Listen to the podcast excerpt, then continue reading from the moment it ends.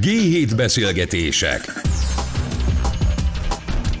László Pállal Ez itt a G7 Podcast, és a mai vendégünk Szoboszlai Máté, a Prologis tőkeallokációs igazgatója, és köszönjük szépen a cégnek, hogy ez a beszélgetés létrejöhetett. És mielőtt belevágnánk nagyon, ugye abban maradtunk, hogy tegeződünk, nagyjából egykorúak vagyunk, előtte egy kicsit beszéljünk a cégről, tehát hogy mit lehet rólatok tudni azon túl, hogy mi is a tevékenység, hogy mennyire vagytok ti nemzetközileg beágyazva, hova kéne elhelyezni titeket így a térképen. Szervusz, köszöntelek, és köszönöm szépen a meghívást. A Prologis-ról talán úgy tudnám a legjobban összefoglalni, hogy, hogy mi a története, illetve hogy jutott el a mai pontjáig, hogy visszanyúlunk egészen 1983-ig. Uh, ugye ekkor történt meg az EMB-nek az alapítása uh, Hamid Mogdaham és társai által, ami Gyakorlatában azt jelenti, hogy egy 2011-es fúzióval uh, érte el a Prologis a jelenlegi uh, állapotát, és uh, ugye ez gyakorlatban azt jelenti, hogy egy olyan globális logisztikai és ipari ingatlanokkal foglalkozó cégcsoport jött létre, amely ingatlan alapokon keresztül működik. A New Yorki tőzsdei jegyzet, ugye összességében már a Standard Poor 500-nak elég régóta tagja, de az utóbbi időszakban egyébként a Standard Poor 100-as szűkített listájába is bekerült. Ugye a volumenek tekintetében, ami fontos, hogy a portfólió méret globálisan ma már eléri a 110 millió négyzetmétert, ugye ez négy kontinens 19 országát fedi le. És Elég hogy egy impozás. kicsit, igen, köszönjük, és hogy ezt kontextusba tudjuk helyezni, talán azt érdemes ilyenkor egy ilyen, egy ilyen ökölszámként figyelembe venni, hogyha a magyar piacot nézzük, ugye itt a budapesti állomány az kb. 3,1 millió négyzetméter, a vidéki mért állomány az 1,2, tehát ez a 4,3 millió négyzetméterhez viszonyítva azért ezt nagyjából kontextusba helyezve ez azt jelenti, hogy 25 Magyarországnyi portfólióval rendelkezik a cég globálisan, és nyilván ez azt jelenti, hogy összességében 5800 bérlővel, partnerrel dolgozunk együtt, a teljesen különböző struktúrákban, és ez a fajta tudás, ami ebből keletkezik, ezt próbáljuk meghasznosítani, és összességében ugye ez a fajta növekedési stratégia, amit a cég folytat, ez az elmúlt időszakban is uh, jól hely tudott állni, illetve bebizonyosodott, hogy ez válságálló. Hogyha megnézem ezt az íratlan mennyiségű négyzetméter számot, akkor uh, uh, mik a fő, fő szegmensek benne? Ugye, hogyha kezdjük lokálisan talán, tehát az, ha az európai volument nézzük, az 22 millió négyzetméter, ugye az úgy nagyjából ennek a 20%-a ennek a globális portfóliónak, ugye azért ez a portfólió Amerika fajsúlyos, illetve Kína az, ami még egy szintén elég erőteljes lefedettséggel rendelkezik, ugye ehhez jön hozzá Európa.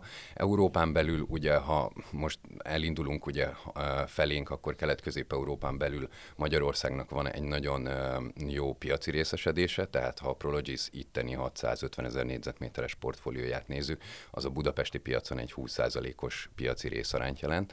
Ez önmagában egy nagyon impresszív szám, és összességében azért azt tudom elmondani, hogy a mi fókuszunk, a mi stratégiánk az alapvetően a nagyvárosokra, azokra a helyszínekre fókuszál, ahol a végfelhasználók száma megfelelő, az a fajta denzitás, az a fajta vásárló előjelen van, ami ezeket a szolgáltatásokat, amik a mi raktárainkban megjelennek, igénylik. Ugye összességében, ha most csak a magyar példánál maradok, itt a magyar portfólió tekintetében körülbelül 40% a gyártó tevékenységet végző bérlő, a maradék 60, az pedig ha hagyományosabban a logisztikai tevékenységhez köthető, ezen belül nyilván sokféle válfajjal találkozunk, de ez egy érdekesség, hogy egyébként mennyire erőteljesen jelen van a gyártó tevékenység is. Nem csak a mi portfóliónkban, hanem ez Magyarországon is, és ez azért, ha visszanézünk historikusan is az elmúlt 5-8-10 évre akár, ez egy folyamatosan erősödő tendencia volt, hogy gyártó tevékenységek jelennek meg nálunk az ellátási láncok összekuszálódása, összeomlása problémája, és a többi, és a többi a COVID, hogy ez mennyire változtatta meg a ti hozzáállásotokat a, a piachoz? Tehát, hogy való, az a kérdés valójában, hogy mi történt veletek a COVID alatt? Tehát, hogy az, amitről beszélünk folyamatosan, hogy Európának, vagy akár Amerikának is át kell állni egy kicsit másfajta gazdasági működésre, az nálatok hol látszik? A mi esetünkben egy kicsit még visszamennék a Covid elé, mert összességében ugye, ha a pénzügyi válságot vesszük alapul, tehát visszamegyünk egészen eddig a 2008-9-es időszakig, akkor látszik, hogy a logisztikai szegmensben a kereslet az 2012 körül indult meg globálisan. Ez ugye Magyarországra később jött el, itt inkább a 2017-18-as évek voltak azok, amikor ez már, ez már begyűrőzött, de összességében annyira erőteljesen növekedett a szegmens 18-ban, 19-ben, de aztán az utóbbi években persze még jobban, hogy a COVID az összességében csak felerősítette azt a fajta keresletet, ami már előtte is jelen volt. Uh-huh. Ugye ennek három fő indikátora volt. Ugye egyrészt a kereskedelemen belül az elkereskedelem részaránya nagyon markánsan megnőtt, ugye ez egy hatalmas boom volt, és összességében nagyon erőteljes nyomást helyezett a piacra és a szereplőkre. Az ellátási láncok, amiket te is érintettél, ugye összességében a sérülékenységük okán megoldásokért kiáltottak. Ugye ezek a megoldások leginkább azt jelentették, hogy addicionális raktárterület, hogy azok a készletek, amik, amik, amik szükségesek lesznek, azokat inkább nagyobb mennyiségbe tároljuk be előre, és álljon rendelkezésre azért, hogy majd a végfelhasználókat, az ügyfeleket, a vásárlókat ki tudják szolgálni. Tehát hát vagyis, vagyis, hogy a gyártást ne bízzuk arra, hogy majd igen, megjön, majd harmadik, megjön az alkatrész, hanem legyen itt mindig igen, És a harmadik, nekem. ez az úgynevezett ilyen a, a, a nearshoring tevékenység, ami kimondottan arra fókuszált, hogy azt a fajta gyártó tevékenységet, ami adott esetben Kínába vagy elég messze tőlünk, vagy az adott lokációtól történt, azt közelebb hozzák, pontosan azért, hogy, hogy ne legyen az, hogy adott esetben a hajózási vagy egyéb transportációs problémák azok befolyásolják a rendelkezésre állóságot, és ugye ez, ez, ez, ez üzletileg azért olyan tekintetben kritikus volt ezeknél a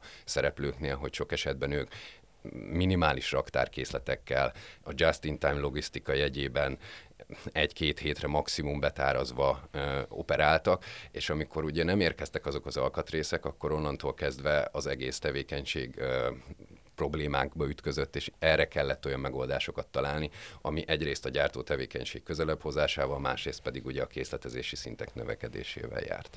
Most kijöttek az új GDP számok itthon is, meg Európában is, ugye nálunk lehet tudni, hogy hát tulajdonképpen technikai recesszióban vagyunk egy 0,4-es mínusszal. Az a kérdés, hogy ti, ahogy látjátok ezeket a számokat, hogy számoltok a jövőre nézve?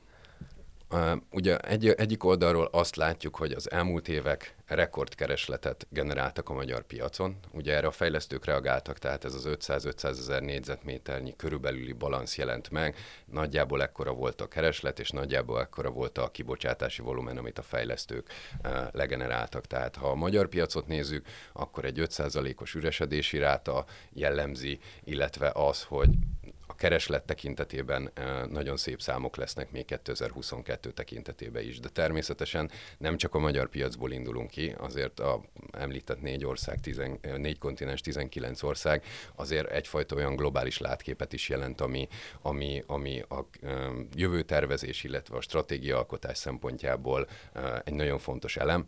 Tehát a mi megközelítésünk az jelenleg egy konzervatív megközelítés. Mi úgy gondoljuk, hogy, hogy nagyon fontossá fog válni, hogy ebben a volatilis környezetben, amikor a finanszírozási környezet megnőtt és megváltozott, amikor az energiakérdés Európában legalábbis ennyire felerősödött, és, és kérdőjeleket vet a jövőre, hogy ez hogy fog alakulni, amikor ilyen módon a tervezhetőség és a, és, a, és a jövőnek a leképezése az adott időpillanatra ennyire nehéz, akkor azt gondoljuk, hogy nagyon fontos az, hogy az ügyfelekkel szorosan együttműködve és, és rugalmasan tudjunk együtt gondolkodni. Igaz ez a meglévő portfólió tekintetében, illetve a jövőbeli üzleti döntések tekintetében is. Nézzünk akkor titeket uh, itt Magyarországon, hogy ugye a harmadik, harmadik negyed évben elég jó számaitok voltak, sőt, még lehet tudni fejlesztésről is. Igen, abszolút. Ugye uh, egyrészt, ahogy mondtam, van egy 650 ezer négyzetméteres portfóliónk, ennek nagyon nagy előnye, hogy egyébként a budapesti helyszírek fókuszál, tehát ezek a parkok a 60 ezer négyzetmétertől a 203 ezer négyzetméterig szórnak. A bérbeadottsága ennek a portfóliónak az jelenleg 97 százalék, most azt gondoljuk, hogy évvégére ez 98 százalék körül fog tetőzni, tehát ez összességében az üres területek aránya az rendkívül alacsony, és sokkal inkább az a megközelítése tekintetben, hogy, hogy abból az erőteljes keresletből, ami a piacon megjelent, abból, abból nyilván mi is tudtunk táplálkozni. A fejlesztések tekintetében erre reagáltunk, tehát mi magunk is elindítottunk spekulatív alapon fejlesztéseket, ugye ugye összességében négyet, ami egy 11%-os portfólió növekedést jelent, és ennek most a legutolsó ékes példája a Sziget-Szent Miklóson, a Prologis Park Sziget 2-ben valósul meg. Ott ugye spekulatív alapon zajlik egy 14 ezer négyzetméteres épület, ez a DC1B névre hallgató épület. Ez az, ami most készült el, a használatba vételi engedélyünk már rendelkezésre is áll, és a 18 ezer négyzetméteres 2A jelű épület az pedig februárra fog elkészülni. Mi ezekkel reagáltunk arra, hogy ezt a megnövekedett keresletet ki tudjuk elégíteni lokálisan, de nagyon fontos megjegyezni, hogy ebben a, ebben a lokációban, ebben a parkban további 100 négyzetméternyi fejlesztésre rendelkezünk építési engedéllyel, mm. és itt merül föl az, amire a korábban utaltam, hogy ez a fajta közös gondolkodás és együttműködés a partnerekkel, illetve potenciális partnerekkel felerősödik, hiszen egy ilyen volatilis környezetben megtervezni egy beruházást, az sokkal hatékonyabban tud megvalósulni az úgynevezett build to suit konstrukcióban, amikor együtt dolgozunk és együtt építjük fel ennek, a, ennek az egész folyamatát, illetve az üzleti konstrukcióit. Aki nincs ennyire benne ebben a bizniszben, az ő nevében kérdezem, hogy mi az a spekulás, a spekulatív fejlesztés? A spekulatív fejlesztést talán úgy tudom a legjobban összefoglalni átfogóan, amikor mi fejlesztőként azzal a megközelítéssel indítunk el egy projektet, hogy nem tudjuk, hogy ki lesz a végfelhasználó, nem tudjuk azt, hogy mikor, milyen formában találjuk meg azt a bérlőt partnert, aki azt hasznosítani fogja. Ott azok a szempontok jönnek előtérbe, amit, amit úgy nevezünk, hogy a saját standardjaink, a saját elképzelésünk ezekkel az ingatlanokkal. De, de az be... hogy néz ki egy ilyen ház, amit, amit uh-huh. spekulatív fejlesztünk, az hogy néz ki? Mert azt tudom, hogy hogy néz ki egy autógyárnak, egy autóalkatrészgyárnak, uh-huh. egy nem tudom én, egy, egy nagy kereskedelmi egység raktárának, és a többi. Hogy néz ki egy spekulatív fejlesztés? Egy spekulatív fejlesztést akkor a Sziget 2 uh, új parkunknak a példáján tudom neked levezetni. Itt ugye abban a szerencsés helyzetben van, vagyunk, hogy tudunk nyúlni a globális standardjainkhoz, hiszen mi alapvetően a befektetők felé, akik összességében a, a tőkét adják a működésünkhöz. Mi azt vállaljuk, hogy egyfajta standardizációt hajtunk végre, nagyon leegyszerűsítve ezt talán úgy is mondhatnám, hogy ne legyen különbség egy magyar, egy angol vagy egy amerikai raktár között, ha a standardokat nézzük. Természetesen mindenhol vannak egyedi jogszabályok, illetve egyedi környezeti elemek, amik ugye eltéréseket generálnak, de ettől függetlenül tudjuk alapul venni ezt a fajta globális standardot. És akkor bejön a képbe az, hogy mik azok az egyedi elemek, amit mi szeretnénk megvalósítani. Például ugye itt ö, ö, a Sziget-Szent Miklós esetében emeltünk az, a, a tiszta belmagasságon, tehát ezek már 12 méteres csarnokok. Megemeltük a padló terhelhetőséget 7 tonnásra. Megemeltük a felülvilágítók számát, hogy több természetes fény jusson be a raktárterületbe, és ezáltal az kevesebb operációba energia. kevesebb energiát kelljen fogyasztani. Teljes ledvilágítást vezettünk be.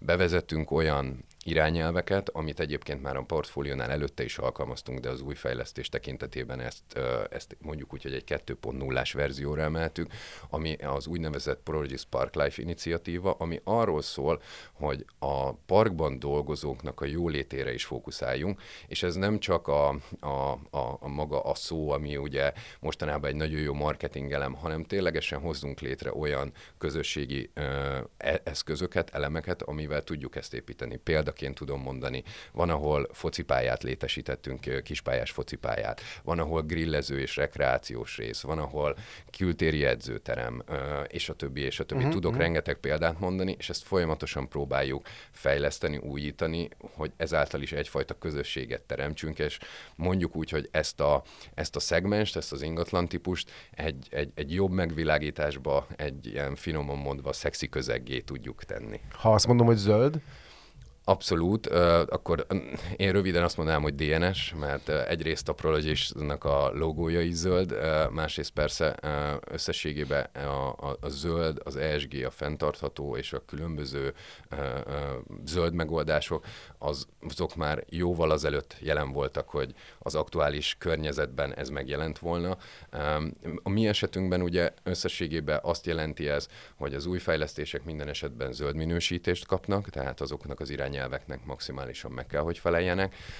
A technológia, amit felhasználunk ezeknek a, a, a fejlesztésekor, az előremutató, tehát itt a megújuló energiának a hasznosítását, a napelemeknek a létesítését és azáltal a központi rendszereknek a megtáplálását, a megnövelt energiahatékonyságú elemeknek a, a, az implementációját, vagy az okos rendszereknek a, a, a használatát, ami kimondottan azt szolgálja, hogy arra a fajta energia kérdésre, ami most ugye felerősödött itt az elmúlt időszakban, legyenek prompt válaszok, és akkor ennek különböző szintjei vannak. Ugye összességében a teljes zéró nettó karbonkibocsátású ingatlanig is el lehet menni, ugye itt mindig attól is függ, hogy a végfelhasználó és a fejlesztő hogy tud együtt dolgozni, illetve hogy spekulatív vagy egy ilyen típusú build amiről ugye beszéltünk is, projekt valósul meg. Mi az a know-how, amit ti ide tudtok hozni Amerikából? Azzal, hogy ilyen globális cég vagytok? Én azt gondolom, hogy a műszaki standardok tekintetében mindenféleképpen rendelkezésre áll az a fajta előny, amit az ennyi helyszínen, ennyiféle és típusú ingatlan fejlesztéséből ugye ki tudunk facsarni, illetve ezen felül az, hogy azok a beszélgetések, amiket lefolytatunk a partnerekkel, legyen szó Amerikáról, Kínáról, Európáról, ezek lokális szinten is rengeteg információt tartalmaznak. Milyen típusú technológiákat akarnak bevetni, automatika, robotizáció. Ha arról van szó, hogy az ő esetükben volatilisen alakul a megbízásállomány, hogy tudunk partnerek lenni abba, hogy a területeket ehhez hozzáigazítsuk, akár egy jövőbeli nagyobb bővüléshez, mm. és ezeket a fajta stratégiákat, amik átívelnek határokon, ezeket nagyon jól ki tudjuk használni lokálisan is, és hát természetesen a Prologis abból a szempontból is próbál az élen járni, hogy ezt a fajta tudásmegosztást, amit, amit globálisan sikerül így módon uh, importálnunk, azt megosztjuk a piaci szereplőkkel, szakmai uh, grémiumoknak vagyunk tagja, ingatlanfejlesztési karakasztalnak és egyéb olyan szervezeteknek, ahol próbáljuk ezeket a fajta információkat megosztani a helyi szereplőkkel, ezáltal egyfajta edukáció, illetve tényleg az, hogy, hogy közös gondolkodással mi magunk is fejlődhessünk és tanulhassunk. Azt néztem, amikor készültem erre a beszélgetésre, hogy eh, nálatok nagyon erős a közép-európai szegmens, eh, és nagyon sok nő van nálatok. Hogy eh, az, hogyan válogatjátok össze a kollégákat?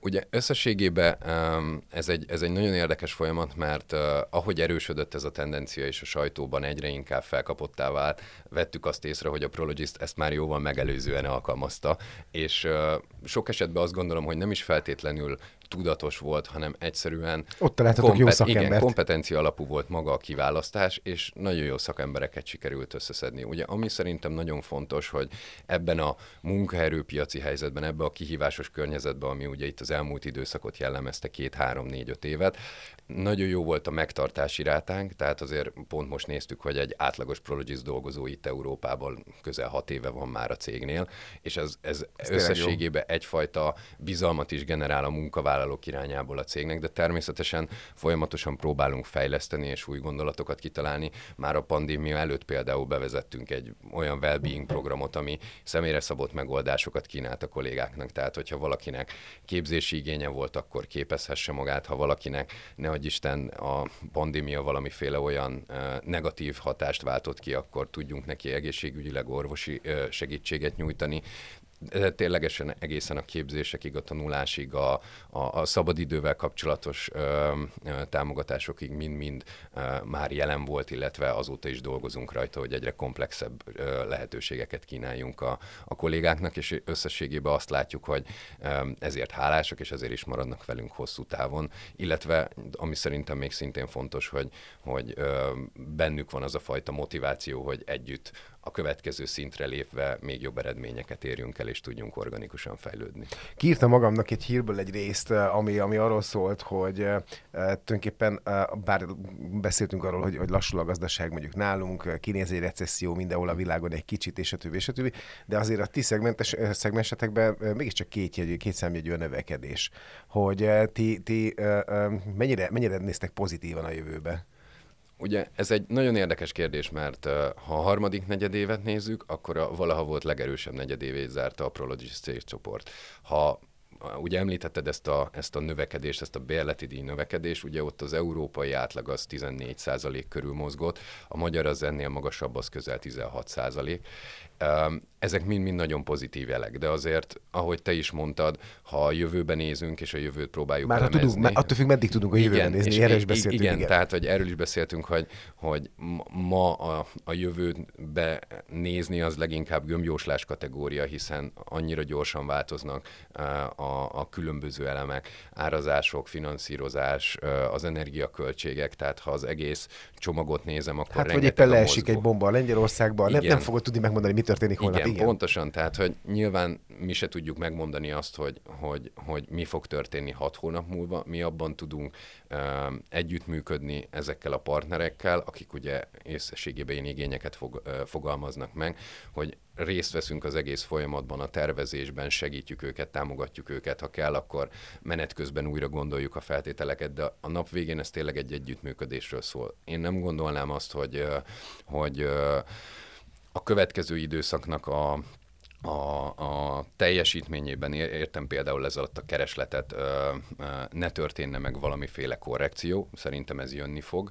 Ö, Itt ténylegesen az a kérdés, hogy, hogy a görbének milyen típusú alakja lesz, és milyen gyorsan tudunk visszatalálni erre a szintre, illetve lehetséges De ha a befektetési piacokat nézem, ott is látszik. Egyrészt a finanszírozási környezet változásával a befektetők sokkal óvatosabb lettek, kivárnak, és összességében zajlik egy átárazódás a piacokon. Ha a hozamszinteket nézzük Európában, azért ez sok helyen nagyon markánsan megindult, főleg azokon a helyeken, például Németország, az Egyesült Királyság, a- ahol 3 százalék körüli hozamszintek voltak, ott nagyon erőteljesen elindult ez fölfelé, míg mondjuk a kelet-közép-európai régióra, ha rákanyarodok, ahol inkább ez az 5 százalék körüli, vagy akár a mi esetünkben ez már a közel 6 volt, ugye, vagy 5,66 között, ez lassabban indult meg. De uh-huh. látszik, hogy zajlik egy átárazódás, ami nyilván az eladók és a vevők viszonyában is eh, fontos, hogy megérkezzen, hiszen eddig volt egy, egy nagyon eh, inspiratív környezet ezeknek a tranzakcióknak a létrehozására,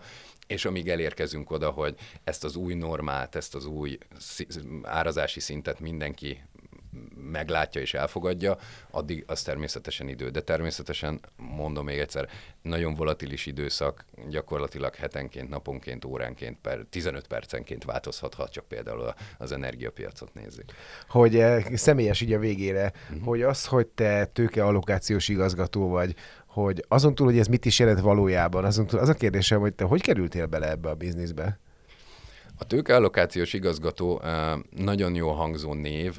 Én azt gondolom, hogy ennek három fő területe van. Az egyrészt maga a tranzakcióknak a menedzsmentje, legyen szó telek adásvételről, legyen szó meglévő ingatlannak a, a, az akvirálásáról vagy értékesítéséről. Ez az egyik fontos láb. A másik fontos láb az a fejlesztések, a fejlesztéseknek az előkészítése, koordinációja, annak az üzleti modelljének a felépítése, és nyilván ezen belül is beszéltünk, hogy lehet spekulatív vagy olyan típusú együttműködés, amit ugye build to suit-nak neveztünk, és van a harmadik, az az egyéb kategória, amiben olyan pilot projektek kerülhetnek bele, ami kimondottan az előbb említettek, tehát mondjuk a fenntarthatósági elemek továbbfejlesztése, vagy az, hogy az ESG-n belül ne csak az E, hanem az S tekintetében uh-huh. is tudjunk tovább lépni. Ugye erre példa Sziget-Szent Miklóson Access for You minősítést, tanús, minősítéssel tanúsítottuk az ingatlanunkat, ami kimondottan a hátrányos helyzettel élők, illetve valamiféle problémával küzdő munkavállalói körnek kínál megoldásokat. Ez egy nagyon érdekes dolog, én a mi- minősítés alatt tanultam meg egy nagyon érdekes statisztikát, hogy a magyar munkavállalók 13-15 százaléka érintett ezzel a problémával. Oh. Ami, ha belegondolunk, hogy önmagában mennyire komoly kihívásokkal szembesültek ezek az operátorok, szolgáltatók, gyártók, akik ezekben a, az ingatlanokban operálnak, egy nagyon komoly merítési lehetőséget jelent, hogyha ezt implementáljuk, és már a fejlesztésnél, vagy, a, vagy az operációs szakaszba beépítjük ezekbe az ingatlanokba. Jó, egyrészt megdöbbentő ez a szám, másrészt meg arra ne válaszoltál, hogy tulajdonképpen hogy kerültél ebbe a bizniszbe. Igen, és ez, a, ez az utolsó, a személyes vonal. Én közgazdászként végeztem, de a, a személyes motiváció az, az, az nyilván amellett, hogy, hogy, hogy van egy családi vonal is, de a másik leginkább az, hogy szerelembe estem ezekkel, a, ezekkel az épületekkel, a téglával, a, a, az urbanisztikával, és, és a nap végén ez azt jelentette, hogy, hogy volt egy tiszta út, hogy az ingatlanba szeretnék valamilyen módon dolgozni. Ugye ez gyakorlatában egy, egy elég érdekes ciklus volt, hiszen az ingatlankezelés, a vagyonkezelés, a bérbeadás, a tranzakciómenedzsment és az ingatlanfejlesztés is uh, ilyen szempontból már, már mondjuk úgy, hogy pipa került a, a, a listára, és összességében a mai napig az egyedi kis projektekben is meg tudom találni azt a fajta örömet vagy szépséget, mint akkor, amikor elkészül egy ilyen 18 ezeres csarnokunk például. De az alapvető szakmád az a közgazdaságtan, Abszolút. hogy ez nem hiányzik? Az a része abszolút mértékig jelen van a, a hétköznapokban, hiszen amikor előkészítünk egy projektet, meg akarunk vásárolni egy ingatlant, ott visszatérünk a, a közgazdaságtan, a számok, a, a hozamszintek, a, a megközelítések és a jövő elemzés ö, ö, témaköréhez, tehát összességében azért nagyon erőteljesen jelen van a közgazdaságtan a hétköznapokban. Természetesen emellett azért az ingatlan specifikus részek egyre, egyre jobban erősödnek, és hát bár nem rendelkezem műszaki végzettséggel, de szerencsére azért ebből a szempontból is sikerült itt magamra csipegetnem némi uh, tudást az elmúlt években, úgyhogy uh, ezzel próbálom a műszaki kollégákat is nem idegesíteni, hanem inkább segíteni. Jó, a legvégére kanyarodjunk vissza a cégre egy picit, hogy kinéze még uh, olyan fejlesztés, mint amiről az előbb beszéltünk itt nálunk. Igen, ugye egyrészt, ahogy mondtam, zajlik ez összesen 32 ezer négyzetméternek a fejlesztése, van további 100 ezer négyzetméter fejlesztésünk, illetve emellett, ahogy mondtam, egyrészt van egy konzervatív megközelítés, ami sokkal inkább az opportunista irány generálja a jövőt illetően, de azért jelenleg is zajlanak olyan egyeztetések, hogy további telekingatlanokat akviráljunk, illetve folyamatosan vizsgálunk olyan befektetési lehetőségeket, meglévő ingatlanokat, amik akár átpozícionálással, akár tovább további értékteremtéssel eh, jó mm, bele tudnának illeni a Prologis magyarországi portfóliójába. Tehát eh, én azt tudom ilyen szempontból erősíteni, hogy semmiféle stop nincsen, eh, sokkal inkább az, hogy egy jóval körültekintőbb uh, elemzés szükséges ahhoz, hogy a jövőt uh, hogy képezzük le a mai üzleti döntésekbe ebbe a változó környezetbe. Egyrészt még nem érintettünk, és ez most jutott eszembe, hogy igazság szerint, amikor raktározásról beszélünk, meg ingatlanról beszélünk, akkor a legelső dolog, ami az embernek az eszébe jut ezekben a napokban, vagy hetekben, hónapokban, hogy oké, okay, oké, okay, oké, okay, de mibe fog kerülni az energiaszámla. És beszéltünk már arról, hogy milyen zöld megoldásaitok lehetnek és vannak, de akkor is kérdés nekem, hogy hogyan lehet menedzselni egy ö, ö, ö, ilyen cégnél azt, hogy akár ö, napról napra, hétről hétre változhatnak az árak, és lehet egyszer az egekbe, és egyszer visszaeshet. Tehát, hogy hogy lehet ezt, ezt valahogy kiegyenesíteni? Igen, ugye az energiabeszerzés az egyik kulcs, ami erre a kérdésre választathat.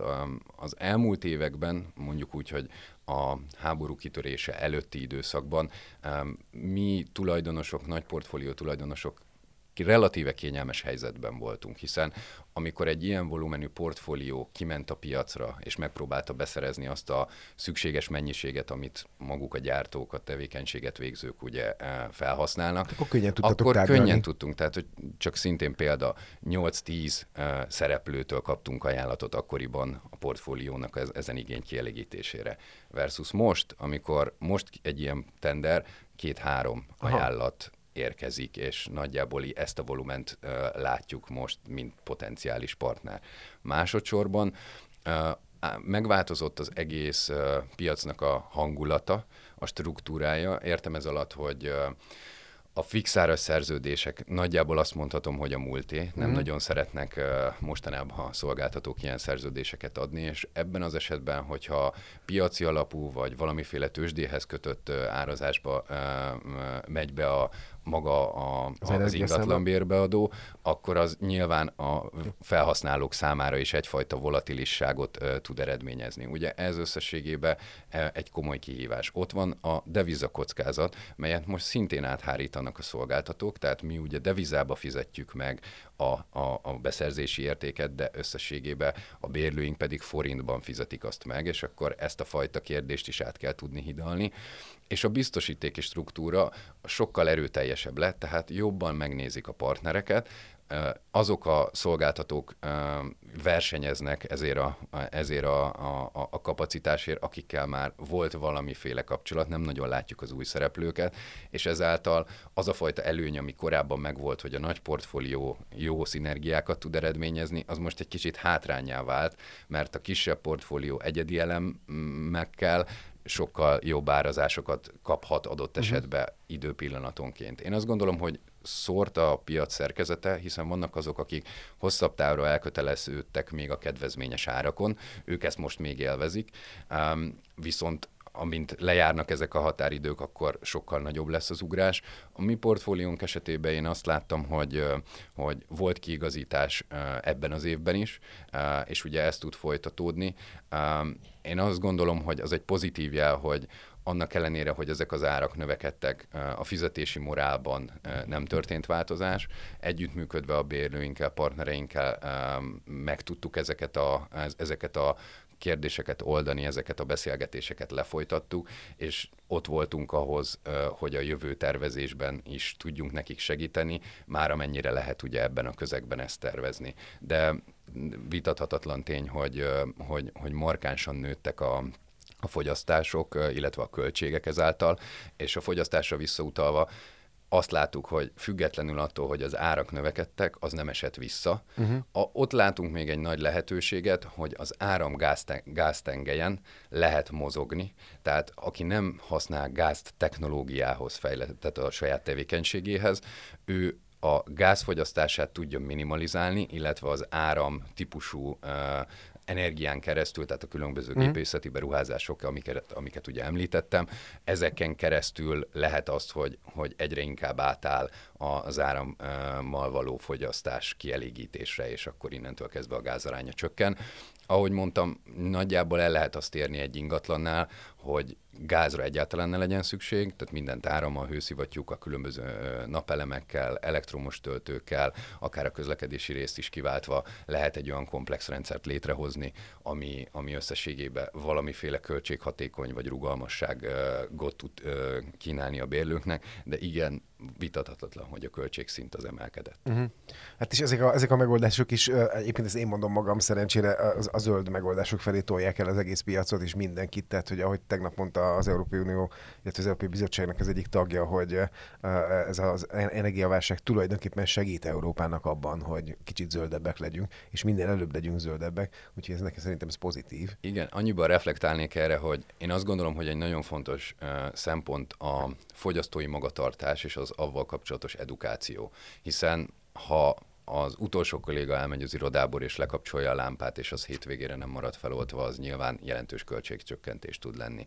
Mi magunk is tapasztaltunk olyan, hogy raktárcsarnokokban 22-3 fokok voltak télen, és rövidújú pólóba dolgoztak az ott dolgozók nyilván komfortérzet szempontjából ez rövid távon csökkenni fog, de nem indokolta a tevékenység azt, hogy, uh-huh. hogy ennek így kell lennie. Én azt gondolom, hogy egy közös edukáció és az okos rendszerekből kinyerhető információk által uh, tudunk ezen javítani, nyilván ez a felhasználói oldal, és nekünk, mint beruházónak, fejlesztőnek az a feladatunk, hogy hozzárakjuk azokat a fajta műszaki beruházási elemeket, amivel ez a fajta igény, ami, ami a fogyasztás oldalán generálódik, az tovább csökkenthető legyen, vagy további optimalizációt tudjunk ezáltal megvalósítani. És igen, a pozitív elem az, hogy a nap végén ez mind a fenntarthatóság az ESG irányába mutat, ami pedig szintén közös érdekünk, hogyha a, a kitűzött célokat is figyelembe vesszük. Hiszen lesz föld, ahol nem csak 8 milliárd, hanem többen is talán elférünk. Én nagyon szépen köszönöm Szoboszlai Máténak, a Prologis